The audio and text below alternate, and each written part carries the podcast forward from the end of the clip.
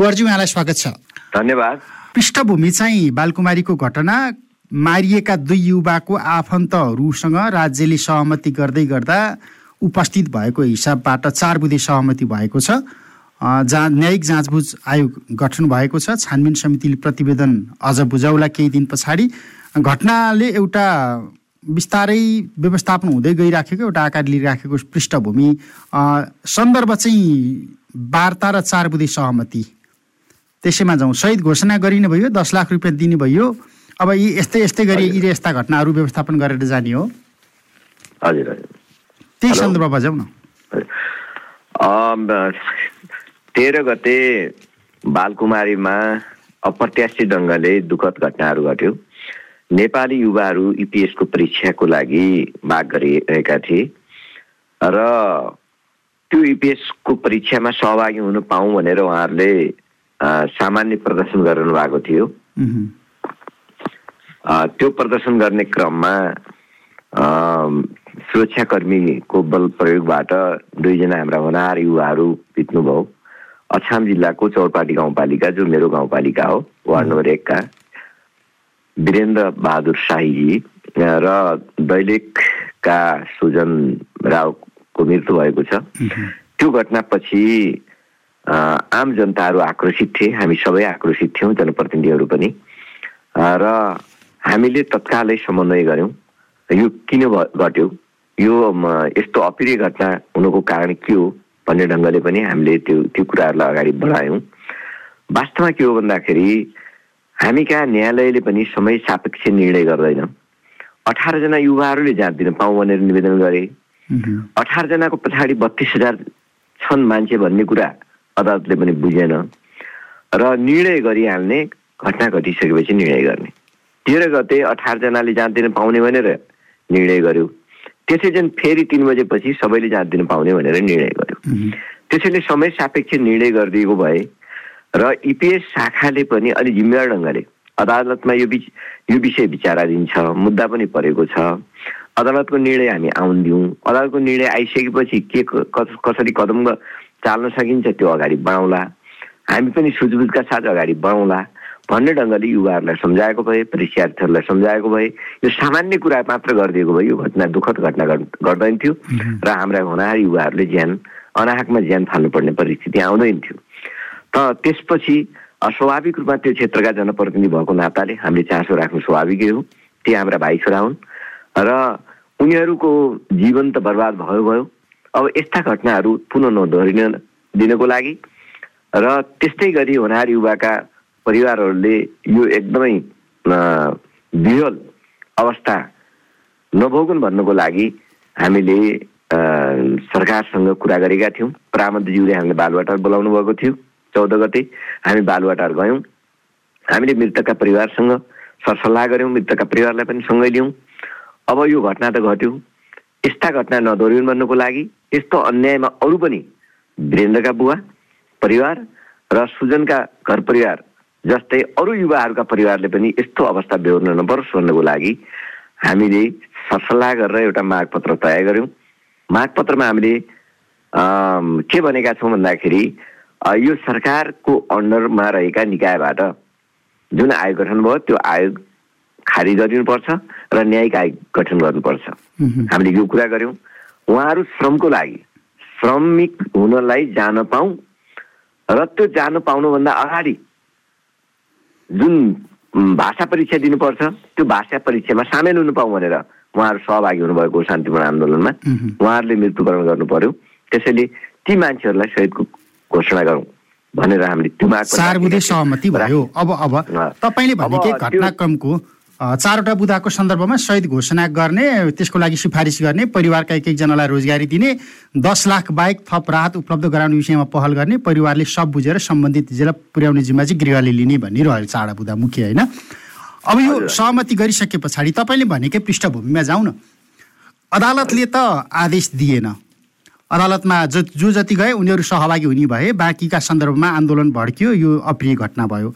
अनि Korea IPS शाखाले रोक्दैमा रोकिने अनि हाम्रो अदालतले फुकाउँदैमा फुकाउने घटना थियो कि तपाईँहरूको यो मन्त्रालय जिम्मा लिने विभागीय मन्त्रीहरूको लेनदेनसँग जोडिएको घटना थियो यो? यसको जवाब पनि दिनुपर्छ होला नि। होइन इपिएसको इपिएसको अब परीक्षा प्रणाली आफ्नो खालको छ। इपिएसको लागि निवेदन आह्वान गरिन्छ। त्यो निवेदन आह्वान गरिसकेपछि निश्चित समयपछि परीक्षा सुरु हुन्छ। र त्यो परीक्षामा सहभागिता गराउनुको लागि अब इपिएस शाखाले जुन सूचना जारी गर्यो र अलि छिटै गर्यो केही समय ढिला गरिदिएको भए पनि यो समस्या हुँदैन थियो। छिटै जारी गर्यो र परीक्षामा सहभागी नहुने खालको राय प्रकट गर्यो। हामीले परीक्षा फर्म भरिसकेपछि सरकारले परीक्षा फर्म आह्वान गर्यो। हामीले परीक्षा फर्म भर्यौँ। अब फर्म भरिसकेपछि त परीक्षा दिन पाउनु पर्यो भन्ने उहाँहरूको माग हो। र त्यो कुरालाई इपिएस शाखाले अर्थात् श्रम मन्त्रालयले स्वीकार गरेन। नस्वीकार गर्दाखेरि या त फर्म खोल्नु हुँदैन। फर्म खोलिसकेपछि हजारौँजनाले त्यहाँ दिएका छन्। करोडौँ रुपियाँ त्यहाँ जम्मा भएको छ। अनि यो बिना हातमा किन फर्म खोलियो? यदि जहाँ दिन नपाउने भए। यो यसो भ्रम किन गरिँदैछ? एकातिर बेरोजगारीको ताती छ। मान्छेहरू दिनका दिन गाउँघर छोड्दैछन्। वैदेश पनि जानेहरूको एकदमै लहर चलेको छ। यो अवस्थामा राज्यले कुनै मेन पावरले कुनै अरू बाहिर प्राइभेट कम्पनीले त्यो त गरेको होइन नि त यो त राज्यले गरेको सरकारले गरेको। सरकारले जुन ठाउँमा आह्वान गर्यो त्यो आह्वान गरिसकेपछि परीक्षा किन नलिने? नलिनुको कारण थियो भनेर उहाँहरू आफ्नो सोधी खोजीको लागि सडकमा आउनुभएको हो। अनि यहाँनिर इपिएस कोरिया शाखाका निर्देशक गुरुदत्त सुवेदीलाई बलिको बोको बनाउने कि श्रम मन्त्रालय यसमा जिम्मेवार हुने? सुवेदी एक्लैले गरेको निर्णय थियो कि मन्त्रालयको यसमा भूमिका थियो भन्ने प्रश्नको विषयमा तपाईँले पनि बहस गर्नु पर्ला नि। गठबन्धनमै हुनुहुन्छ यसभन्दा अगाडि श्रम मन्त्रालय नै सम्हाल्नु भएको हो तपाईँले। होइन हामी जनताको न्यायिक आवाजका लागि जनतामाथि परेको अन्यायका विरुद्धमा बोल्नको लागि जनताले हामीलाई जनप्रतिनिधि चुनेका हुन्। हामी गठबन्धनमा हौँ कि सरकारमा हौँ कि सरकारमा नहौँ। हाम्रो दायित्व भनेको चाहे राज्यले अन्याय गरोस् चाहे चाहे कुनै संस्थाले अन्याय गरोस् चाहे कुनै व्यक्तिले अन्याय गरोस्। जनतामाथिका अन्यायहरू जनतामाथि परेका अप्ठ्याराहरूलाई चिर्नको लागि जनताको आवाज हामीले बोल्ने हो। अब त्यसैले त न्यायिक छानबिनको हामीले माग त्यसै नै नै तपाईँले ठ्याक्कै प्रश्नमा जाउँ न विषयमा जाउँ कि इपिएस कोरिया शाखाकै मर्जीमा यस्तो निर्णय हुन्छ कि श्रम मन्त्री स्वयं संलग्न हुन्छन्? तपाईँ त्यही मन्त्रालयमा बसेर काम गरेको एकजना पूर्व मन्त्रीको हिसाबबाट यो प्रश्न सोधिराखेको छु। इपिएस कोरिया शाखाको प्रबन्ध शाखाका निर्देशकलाई मात्रै बलिको बोकाउने हो कि बलिको बोको बनाउने हो कि मन्त्री पनि जिम्मेवार बन्नुपर्ने हो यो विषय? ठ्याक्कै विषयमा जाउँ न। यस्तो यस्तो यस्तो म ठ्याक्कै विषयमै जाँदैछु। इपिएस शाखा भनेको त श्रम मन्त्रालय अन्तर्गत हो नि त। श्रम मन्त्रालयभन्दा टाढाको त होइन। भोलि भोलि भौतिक मन्त्रालयमा यातायात महाशाखा होला। अनि यातायात महाशाखा छुट्टै भौतिक मन्त्रालय छुट्टै हुन्छ। श्रम मन्त्रालय अन्तर्गत त वैदेशिक रोजगार बोर्ड छ इपिएस शाखा छ भैँसे पार्टीमा तालिम केन्द्र छ अनि के अरे वैदेशिक रोजगार विभाग छ। ती सबैले गरेको जिम्मेवारी त श्रम मन्त्रालयले बोक्नु पर्यो नि त। श्रम मन्त्री शरद सिंह भण्डारीका सन्दर्भमा तपाईँले प्रश्न किन नउठाएको? होइन के होइन होइन प्रश्न प्रश्न त त्यहाँ उठेको छ नि त। हिजो राज्य व्यवस्था समितिमा गृह मन्त्रीले जवाब दिँदाखेरि जो जो व्यक्तिहरूको बारेमा त्यहाँ प्रश्न उठेको छ त्यो त आम सञ्चार मिडियामा त छर्लङ्ग आएकै छ। जहाँसम्म उहाँहरूको कति दोष थियो उहाँहरूको संलग्नता के कति थियो उहाँका उहाँहरूका के कति त्रुटि भए भन्ने कुराहरू सत्य तथ्य पत्ता लगाउनुको लागि त हामीले न्यायिक आयोगको माग गरेको हो नि त जनताले। सडकमा पनि त्यही माग गरेको हो। त्यो माग त अहिले सरकारले पुरा गरेको छ। पूर्व न्यायाधीशको नेतृत्वमा त अहिले आयोग बनेको छ। यो आयोगले सत्य तथ्य पत्ता लगाओस्। भन्ने कुरा त स्वयं गृहमन्त्रीज्यूले भनिरहनु भएको छ भने मैले यसलाई थप भनिरहनु पर्ला जस्तो त लाग्दैन। अनि अब राज्य व्यवस्था समितिको कुरो उठिहाल्यो। राज्य व्यवस्था समितिमा हिजो उठेको प्रश्न हेर्ने हो भने त यो घटनामा यो खालको दङ्गा भड्किनुमा तपाईँकै पार्टीबाट प्रतिनिधित्व गर्ने मन्त्रीको एक भूमिका महत्त्वपूर्ण देखिएको छ नि। प्रहरीले पनि त्यही भने प्रहरी प्रमुख कुमारले पनि त्यही भनेका छन् अरूले पनि त्यही भने। आन्दोलन चर्किराखेको छ भिड भइराखेको छ म मन्त्री भन्दै झन्डा हल्लाउँदै त्यहाँ जाने। अनि धकेला धकेल भएपछि गाडी छोडेर भाग्ने गोली चालेपछि अनि त्यहाँबाट मेरो संलग्नता थिएन पुल पारिने गाडी छोडेर म त हिँडेँ खै के भयो भनेर जवाफ दिने। जवाफ दिए लिनु पर्दैन। होइन चाहे मेरो पार्टीबाट प्रतित्व गर्ने मन्त्री हुन् चाहे अन्य पार्टीबाट प्रतित्व गर्ने मन्त्री हुन् कुन पार्टीबाट कसले प्रतित्व गर्यो भन्ने भन्दा पनि अब कसको कारणले घटनाहरू बढी उत्तेजित भयो भन्ने कुरा नै महत्त्वपूर्ण कुरा हो। घटनाहरू उत्तेजित हुनुको लागि कसले प्रेरणा प्रदान गर्यो कसका क्रियाकलापले प्रेरणा प्रदान गर्यो कसको उपस्थिति सहभागिताले प्रेरणा गर्यो भन्ने कुरा त त्यो छानबिनले पत्ता लगाउला। अब जहाँसम्म के अरे भौतिक पूर्वाधार मन्त्री प्रकाश ज्वाला को गाडी हामीले जलेको देख्यौँ। त्यहाँ दुई दुई खालका रायहरू आएका छन्। उहाँ आउनुभन्दा अगाडि नै गोली चलिसकेको थियो भन्ने खालको राय पनि एउटा आएको थियो। पन्ध्र बिस मिनट अगाडि र जो घटनामा मारे उनीहरूलाई त्योभन्दा अगाडि नै घटना घटिसकेको थियो भन्ने कुरा पनि एउटा आएको थियो। उहाँको छ उपस्थिति भयो। उहाँको उपस्थिति भइसकेपछि भिड उहाँलाई जोगाउनुको लागि प्रहरले बल प्रयोग गर्यो। उहाँले चढेको गाडी जल्यो त्यसपछि भिड उत्तेजित भएर यो घटना दुःखद घटना हुनु पुग्यो भन्ने कुरा पनि रायहरू आइरहेको होइन होइन भिडियो आएकै भिडियोलाई हेरेर आधार मानियो भने भिड भइराखेको छ। त्यो भिडभाडको बिचमा प्रहरीले तिनतिर त्यहाँ सहभागी भएकाहरूलाई तितर बितर बनाएको छ। त्यही भिडको बिचमा एउटा भिडमा मन्त्रीको गाडी आउँछ। मन्त्री गाडीबाट झर्छन्। केही युवाले धकेला धकेल गर्छन् नाराबाजी हुन्छ। अनि त्यसपछि मन्त्री गाडी छोडेर बाटो लाग्छन् अनि त्यहाँनिर आक्रोश चढेर कोहीले ढुङ्गा हान्छन् कोहीले के गर्छन् त्यही बिचमा गोली चल्छ। अनि केही बेर पछाडि मात्रै गाडीमा आगो लाग्छ। जवाफदेहिता भोलि जनताको कठघरमा उभिनुपर्छ तपाईँहरू। एकदमै त्यो त दोष दोषी छ भने होइन छानबिनको क्रममा दोषी ठहर गएको खण्डमा त जोसुकैले चाहे मैले होस् चाहे मन्त्रीले होस् चाहे राजनीति पार्टीले होस् चाहे जिम्मेवार व्यक्तिले होस् त्यो कठघरमा उभिनुपर्छ जनताभन्दा ठुला कोही पनि छैनन् न्यायभन्दा ठुला कोही पनि छैनन् होइन सत्य तथ्यमा आधारित भएर अगाडि बढ्नुपर्छ भन्ने ढङ्गले नै अब गृह मन्त्रालयसँग प्रधानमन्त्रीसँग वार्ता गर्दाखेरि त म पनि थिएँ नि त। त्यो क्षेत्रको प्रतिनिधिको हैसियतले त त्यहाँ सहभागी जनताका आवाजहरूलाई लिएर त म पनि गएको छु। त्यहाँ कला कारवाही हुनुपर्छ कला कारवाही हुँदैन भनेर हामीले छोडेका छैनौँ नि त। जुनसुकै किन्नुहोस्। यो घटनामा संलग्न यो घटनामा उद्देशित गर्ने प्रेरित गर्ने वा यो घटनालाई अझै बल पुग्ने गरी जो जसका क्रियाकलाप र गतिविधि संलग्न छन् तिनलाई कारवाही गर्नुपर्छ कानुनी दायरामा ल्याउनुपर्छ भनेर त न्यायको आयोगको माग माग गरेको हो नि त जन के अरे जनताको तर्फबाट। पीडितहरूको पक्षको तर्फबाट। समग्रतामा नैतिकता भन्ने चाहिँ रहेनछ है मन्त्रीसँग अथवा राजनीतिज्ञहरूसँग? होइन अब नैतिकता भन्ने कुरा त अब आफूले आफैलाई नैतिकताको कसीमा उभ्याएर हेर्ने हो भने हुन त अहिले फरक धारमा हुनुहुन्छ। तपाईँहरूकै यसभन्दा अगाडिका म शेरबहादुर तामाङको उदाहरण दिन्छु। एउटा सामान्य अभिव्यक्ति विवादका कारण सार्वजनिक रूपमा माफी मागेर राजीनामा दिएको एउटा नजिर त तपाईँहरूकै पार्टीको त्यति बेलाको राजनीति एउटा नजिर स्थापित भएको थियो नि। तर घटनालाई ढाकछोप गर्ने म सरकारमा छु म गठबन्धन भत्काइदिन्छु म मन्त्रीहरू फिर्ता गरिदिन्छु भन्ने खालको त्यो त्यो खालको धङभङ्गीबाट यी यसरी चल्छ र भनेको राजनीतिक घटनाक्रमहरू। होइन पार्टीले गठबन्धन भत्काइदिन्छु म मन्त्रीहरू फिर्ता गरिदिन्छु त भनेकै छैन त्यो पार्टीको नेता त पार्टीको कुरा हो त्यो पार्टी बोल्नु पनि बोल्दैन पार्टीको नेतृत्व बोलेको पनि छैन। नैतिकताको प्रश्न भने कसले कति लिने भन्ने कुरा व्यक्तिमा पनि केन्द्रित हुन्छ। होइन? अब शेरबहादुर बा शेरबहादुर तामाङजीले त्यति बेला सामान्य घटनामा उहाँले बोलेको त तथ्य हो। यथार्थै हो। तर यथार्थ बोलेको कुरामा कुन पक्षलाई कुन वर्गलाई कुन के अरे पिँढीलाई खोज्ने गरी अथवा अपेलित हुने गरी बोलियो भनेर आलोचना भयो। त्यो आलोचना भइसकेपछि पार्टीले उहाँलाई फिर्ता गर्यो। राय रिजाइन दिनुपर्छ भन्ने कुरामा फिर्ता गर्यो। यति मात्र होइन यस्ता घटनाहरू योभन्दा पहिला पनि नैतिकताका प्रश्नहरू उठेका छन्। र त्यसैले अब को को संलग्न छन्? कसका क्रियाकलापले यी घटनाहरूलाई बढी उत्तेजित बनाइयो? दुःखद घटनाहरू घटे। यदि त्यस्ता घटनाहरूमा कुनै पनि मन्त्रीका काम र क्रियाकलापले काम गरेको छ भने त्यो नैतिकता प्रदर्शन गर्नु त सबभन्दा राम्रो कुरा हो। सबैभन्दा राम्रो कुरा हो। जोसुकै किन्नुहुन् मन्त्री भनेको आजीवन हुने हो र। मन्त्री भनेको देखियो। अब यस्तै हो। मेरो अन्तिम भोज हो भन्ने खालको प्रवृत्ति देखियो कि? होइन यस्तो प्रवृत्तिले राम्रो काम गर्दैन होइन?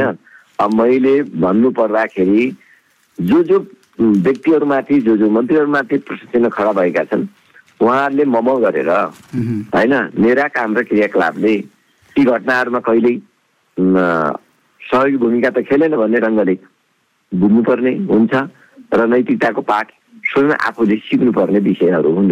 मैले यो बारेमा योभन्दा बढी बोल्नु पर्ला जस्तो लाग्दैन। राजनीतिक हिसाबबाट एउटै पार्टीभित्र बसेर त्यो ढङ्गको खुल्लुम खुल्ला कटाक्ष गर्ने भन्दा पनि पार्टीले एउटा पार्टी पङ्क्तिले एउटा आधिकारिक निकायले एउटा आधिकारिक बैठकबाट यो निर्णय गरिदियो भनेदेखि कम्तीमा पार्टीप्रतिको नागरिकको आस्था र भरोसा चाहिँ बढ्थ्यो कि उचाइ बढ्थ्यो कि भन्ने मात्रै हो। अब तपाईँहरूको राजनीतिक जीवन तपाईँहरूको राजनीतिक भविष्य होइन। अब अहिलेको संसदीय अङ्कगणित अब त्यसले धेरै कुराहरू निर्धारण गर्छ होला। तपाईँहरूको कुरामा म एकदमै सहमत छु होइन?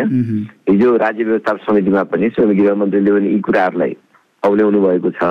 यो औलै सकेपछि एउटा जिम्मेवार मिनी पार्लियामेन्टमा उठेका विषयवस्तुलाई सम्बन्धित व्यक्तिले कति ग्रहण गर्ने हुन् कति ग्रहण गर्नुहुन्छ त्यो उहाँहरूको विषय पार्टीले चाहिँ फिर्ता आऊ राजीनामा गर भन्ने हैसियत राख्दै रहेछ है। सार्वजनिक कार्यक्रममा हिजै तपाईँको पार्टी अध्यक्षले कता कता यी होइन त्यो ढङ्ग होइन सामान्य घटना हो यस्तो भयो उस्तो भयो भनेर जवाफ दिनुभयो क्यारे सार्वजनिक मञ्चमा उभिएर। त्यो तपाईँ फर्ता फिर्ता हुनुहोस् तपाईँको इम्प्रेसन अथवा इमेज चाहिँ यस्तो रह्यो। आक्षेप लागेको छ प्रतिवेदन नआउँदाखेरिसम्म तपाईँ राजीनामा दिएर बस्नुहोस् भन्ने खालको केही गरिदिएको भए पनि हुन्थ्यो होला। अहिले राजनीतिक पार्टीहरूमा आवाज उठाउन सक्नुहुन्न है तपाईँहरू पनि? अहिले एक खालको समस्याहरू देखिएको छ। र आलोचना त पार्टीको आन्तरिक जीवनमा हुन्छ नै नहुने कुरै भएन। यत्रो घटनामा यत्रो सञ्चार मिडियाले उठाएका विषयवस्तुहरू यत्रो सडकबाट उठेका विषयवस्तुहरूमा हामी जतिको एउटा सचेत कार्यकर्ताले कुरा नउठाउने त कुरै भएन। थिङ गर्नुपर्छ रिथिङ गर्नुपर्छ भन्ने कुरामा उठाउने नउठाउने कुरै भएन। अब राजनीतिक पार्टीहरू र पार्टीहरूको नेतृत्वले यी कुराहरू बुझ्ने कुरा हो। होइन यी घटनाक्रमले पार्टीलाई कति क्षय क्षयीकरण हुन्छ पार्टीमाथिका अब व्यक्तिसँग त पार्टी पनि त जोडिएको हुन्छ नि। जिम्मेवारीसँग त पार्टी पनि जोडिएको हुन्छ। त्यो कुरा त अब हाईभन्दा माथिको हाई लेभलको नेतृत्वले बुझ्ने कुरा हो होइन। त्यो उहाँहरूले कतिको बुझ्नु भएको छ कतिको पहल गर्नु भएको छ त्यो मलाई थाहा भएन। तर सार्वजनिक रूपमा प्रश्न उठिसकेपछि सचेत चाहिँ सबैले हुनैपर्छ। अनि अब यो सरकारको कामको समीक्षातिर जाउँ न तपाईँहरू सुरुमा मन्त्रालयसँग सम्बन्धित एक खालको विवाद पऱ्यो होइन हामी त जाँदै जाँदैनौँ भन्नुभयो पछि जानुभयो। नीति तथा कार्यक्रममा त्यस्तै भयो। बजेटमा त्यही खालको आक्रोश आयो। अब अहिले पनि तपाईँहरू सरकारको काम ठिक भएन राम्रो गरेन सरकारले प्रभावकारिता देखिएन भनिराख्नु भएको छ। मन्त्रीहरूले प्रभावकारी काम गर्न सकेनन् भनिराख्नु भएको छ। तैपनि लुरु लुरु सत्ता चाहिँ छोड्नु भएको छैन। जनताको बिचमा सत्ता छोडेर जनताको बिचमा जान पनि सकिराख्नु भएको छैन। यो कस्तो खालको राज बाध्यात्मक राजनीतिक परिस्थितिमा फसाइदियो है तपाईँहरूलाई गठबन्धनले? होइन हामीले मात्र होइन कार्यकर्ताले मात्र होइन आम जनताले पनि अनुभूति गरेका छैनन् पहिलो कुरा। त्योभन्दा पनि अझ महत्त्वपूर्ण कुरा के हो भन्दाखेरि स्वयं प्रधानमन्त्रीज्यू म यो क्याबिनेटका मन्त्रीहरूबाट उनीहरूको कार्य सम्पादनबाट सन्तुष्टि छैन भनिरहनु भएको छ भने त्योभन्दा बढी त हामीले बोल्नु पर्ला जस्तो लाग्दैन। स्वयं प्रधानमन्त्री नै सन्तुष्ट नभएको बेला आम जनता कसरी सन्तुष्ट हुन्छन्? र परिणाममुखी काम नगर्दाखेरि आम जनताले के अनुभूति गर्छन्? भन्ने कुरा त सबैले देश दुनियाँले बुझेकै छ त्यसले हाम्रो भनाइ के हो भन्दाखेरि हामीले पटक पटक भनेका छौँ बजेट आयो। हामी गठबन्धनमा सहभागी भयौँ। पार्टी सरकारमा किन जान्छ? पार्टी सरकारमा जानु जाने भनेको त काम गर्नुको लागि हो। मन्त्रीहरूलाई किन पठाइन्छ? प्रभावकारी कामहरू गराउनुको लागि अरूभन्दा अलिक फरक ढङ्गले काम गराउनुको लागि हो। र हामीले के भन्यौँ? स्वयं मैले पनि संसदमा के भनेको थिएँ भन्दाखेरि हामीले जनताका निम्त मागहरूलाई जनताबाट उठेका आवाजहरूलाई सम्बोधन गर्नु पर्यो। होइन? हामीले सम्बोधन गर्न नसक्दाखेरि जनताका कुराहरू दुर्गा प्रसाईहरूले बोल्नु पर्यो। हामीले ब्याज घटाइदिएको भए दुर्गा प्रसाईले बोल्ने ठाउँ रहन्थ्यो। तपाईँले बनाइदिएको मैदान हामीले के अरे महँगी घटाइदिएको भए दुर्गा प्रसाईहरूले बोल्नु पर्थ्यो त। यी सामान्य कुराहरूलाई पनि सम्बोधन गरौँ भनेर मैले व्यक्तिगत राय पनि प्रकट गरेको छु। मैले संसदमा पनि बोलेको छु हामी। र हामीले पार्टीमा पनि यी कुराहरू उठाएका छौँ। तपाईँहरूले मैदान बनाइदिए नबनाइदिएको भए त न रवि लामेछानेहरू आउँथे न राजेन्द्र लिङ्गदेनहरू आउँथे न पछिल्लो समयमा दुर्गा प्रसाईहरू जन्मिन्थे अथवा भोलिका दिनमा अरू कोही जन्मिएला यहाँ। मैदान त तपाईँले बनाइदिएको हो नि। पुराना राजनीतिक पार्टीहरूले ठुलो लामो समयसँग त्याग गरे तपस्या गरे र नेतृत्वहरूले पनि त्याग गरेकै हो दुःख गरेकै हो। त्यति दुःख रवि लामी छाने दुर्गा प्रसाद प्रसादहरूले केही पनि गरेका छैनन्। होइन? उनीहरू अहिले हामीले ल्याएको व्यवस्थामाथि रगाइ गरिरहेका छन्। हामीले ल्याएको व्यवस्थाको उपयोग गरिरहेका छन्। त्यो कुरा चाहिँ उनीहरूले बुझ्नु पर्यो। यस्तो हुँदो रहेछ मैले यहाँनिर त्यो सन्दर्भ तपाईँको म निरन्तर जोड्छु। यो सन्दर्भमा ठ्याक्कै कहाँनिर रोक्यो भने एउटा राजनीतिक पुस्ताले दुःख गर्यो बलिदानी गर्यो योगदान गर्यो यत्रो परिवर्तन ल्याइदियो। तर उहाँहरूले गरेको बलिदानी उहाँले गरेको योगदान उहाँहरूको भूमिका चाहिँ मेरो बाजेले मात्रै देखे कि? मेरो पुस्ताले चाहिँ रवि लामी छाने मात्रै देख्यो। र मेरो पुस्ताले रवि लामेछानेहरूले खोजेको परिवर्तन खोज्यो के? जुन कुरा तपाईँले सम्बोधन गर्न सक्नु भएन। त्यो त मान्नुहुन्छ स्वाभाविक हो। स्वाभाविक हो। यो पुस्ताले पनि परिवर्तन नगरेको होइन। ती पुराना पाका नेताहरूले पुराना दलका नेताहरूले त ठुलो ट्याग गरेका हुन् नि। उहाँहरूको जवानीमा त रविभन्दा धेरै ठुलो अगाडि बढेर काम गरेका हुन् नि। तर हाम्रो बनाए पनि हाम्रो फरक मत के हो भने जीवनको उत्तरार्धमा राज्य व्यवस्थालाई जुन ढङ्गले व्यवस्थित गर्नु पर्थ्यो राज्य व्यवस्थालाई जुन ढङ्गले परिचालन गर्नु पर्थ्यो राज्य व्यवस्था देश र दुनियाँलाई सम्बोधन गर्ने जुन ढङ्गले कामहरू गर्नु पर्थ्यो परिवारमा केन्द्रित होइन आफ्ना वरिपरिका वरिपरिमा केन्द्रित रहेर जुन ढङ्गले नेताहरूले अन्तमा लोभ र लाभको लाइकको पक्षलाई बढी ध्यान दिएर काम गर्नुभयो। यसबाट नै जनताको टिप्पणी उठेको हो नि। हो यो विषयबाट मुक्त हुनको लागि त उहाँहरूले आफूलाई एकदम ल अहिले नेपालका ठुला राजनीतिक दलका तिन चारजना नेताहरूले हाम्रो केही संलग्नता छैन है। ल सिबिआईले काम अगाडि बढाओस् राज्य अनुसन्धानले काम अगाडि बढाओस् सम्पत्ति शुद्धिकरण आयोगले के अरे विभागले काम अगाडि बढाओस्। हाम्रो कुनै पनि हस्तक्षेप हुने छैन। चाहे हाम्रा श्रीमती फर्छन् चाहे हाम्रा भाइ छोरा फर्छन् चाहे हाम्रा परिवारका अरू सदस्यहरू फर्छन् तपाईँहरू काम गर्नुहोस् भनेर एकदम खुला खुला ढङ्गले आह्वान गरिदिएको भए त अनि रवि लामी सेनाको आवाजहरू झिना भइहाल्थ्यो नि। दुर्गा प्रसादहरूको आवाज त झिना भइहाल्थ्यो नि। यो हुनु पर्थ्यो भन्ने हो कि? हामी पछिल्लो पुस्ताको माग पनि त्यो तपाईँहरूले एउटा कालखण्डमा स्वर्णिम अक्षरले नाम लेखाउने एउटा अवसर पाउनु भएको थियो। अहिलेको यो चुनाव पछाडिको घटनाक्रमहरू हेर्ने हो भने अब ललिता निवास जग जग्गा काण्डमा कम्तीमा तपाईँकै पार्टी अध्यक्षले नीतिगत निर्णय भयो त्यति बेला मलाई जानकारी भएन भुल भुलाइयामा परियो मैले पनि गल्ती गरेँ सार्वजनिक रूपमा अभिव्यक्ति दिन सक्नु भएन। उहाँलाई चोख्याउनको लागि सुनपानी छर्केर सत्ता गठबन्धन पछि अघि पछि लाग्यो। भुटानी शरणार्थी काण्डमा परेकाहरू धमाधम छुटिराखेका छन्। उतातिर बुढानीकण्ठतिर शेरबहादुर देउवालाई मेरी श्रीमती फस्ने बहिनी भन्ने अर्को त राजनीतिक तनावले सुनपानी छर्किनु पर्ने अवस्था आयो। सुनकाण्डमा माओवादीका नेताहरू सबै फस्ने भए सुनपानी छर्किनु पर्ने अवस्था आयो। स्वर्णिम अक्षरले नाम लेखाउने अवसर पाउनु भएको छ। सबै शीर्ष नेताहरू फस्छन् अनि तपाईँहरूले तल बसेर क्याउ क्याउ गरेर के गर्ने? अनि राजनीति भविष्य तपाईँहरूको सकिने हो। समय बलवान छ समय बलवान छ। समयले कसैलाई पनि छोड्दैन। सत्य त त्यही हो नि। आउनुभन्दा पहिला होइन योभन्दा व्यवस्था आउनुभन्दा पहिला राजा थिए। राज परिवार थियो। राज परिवारका क्रियाकलापहरू हामीले देखेका होइनौँ। मूर्ति उखाड्नेदेखि लिएर के गरेनन्? हत्या हिंसामा कति संलग्न भए? तर समयले राजाले आफ्नै भाइ भतिजालाई आफ्नै भाइ छोरालाई कारवाही गर्नु पऱ्यो कि परेन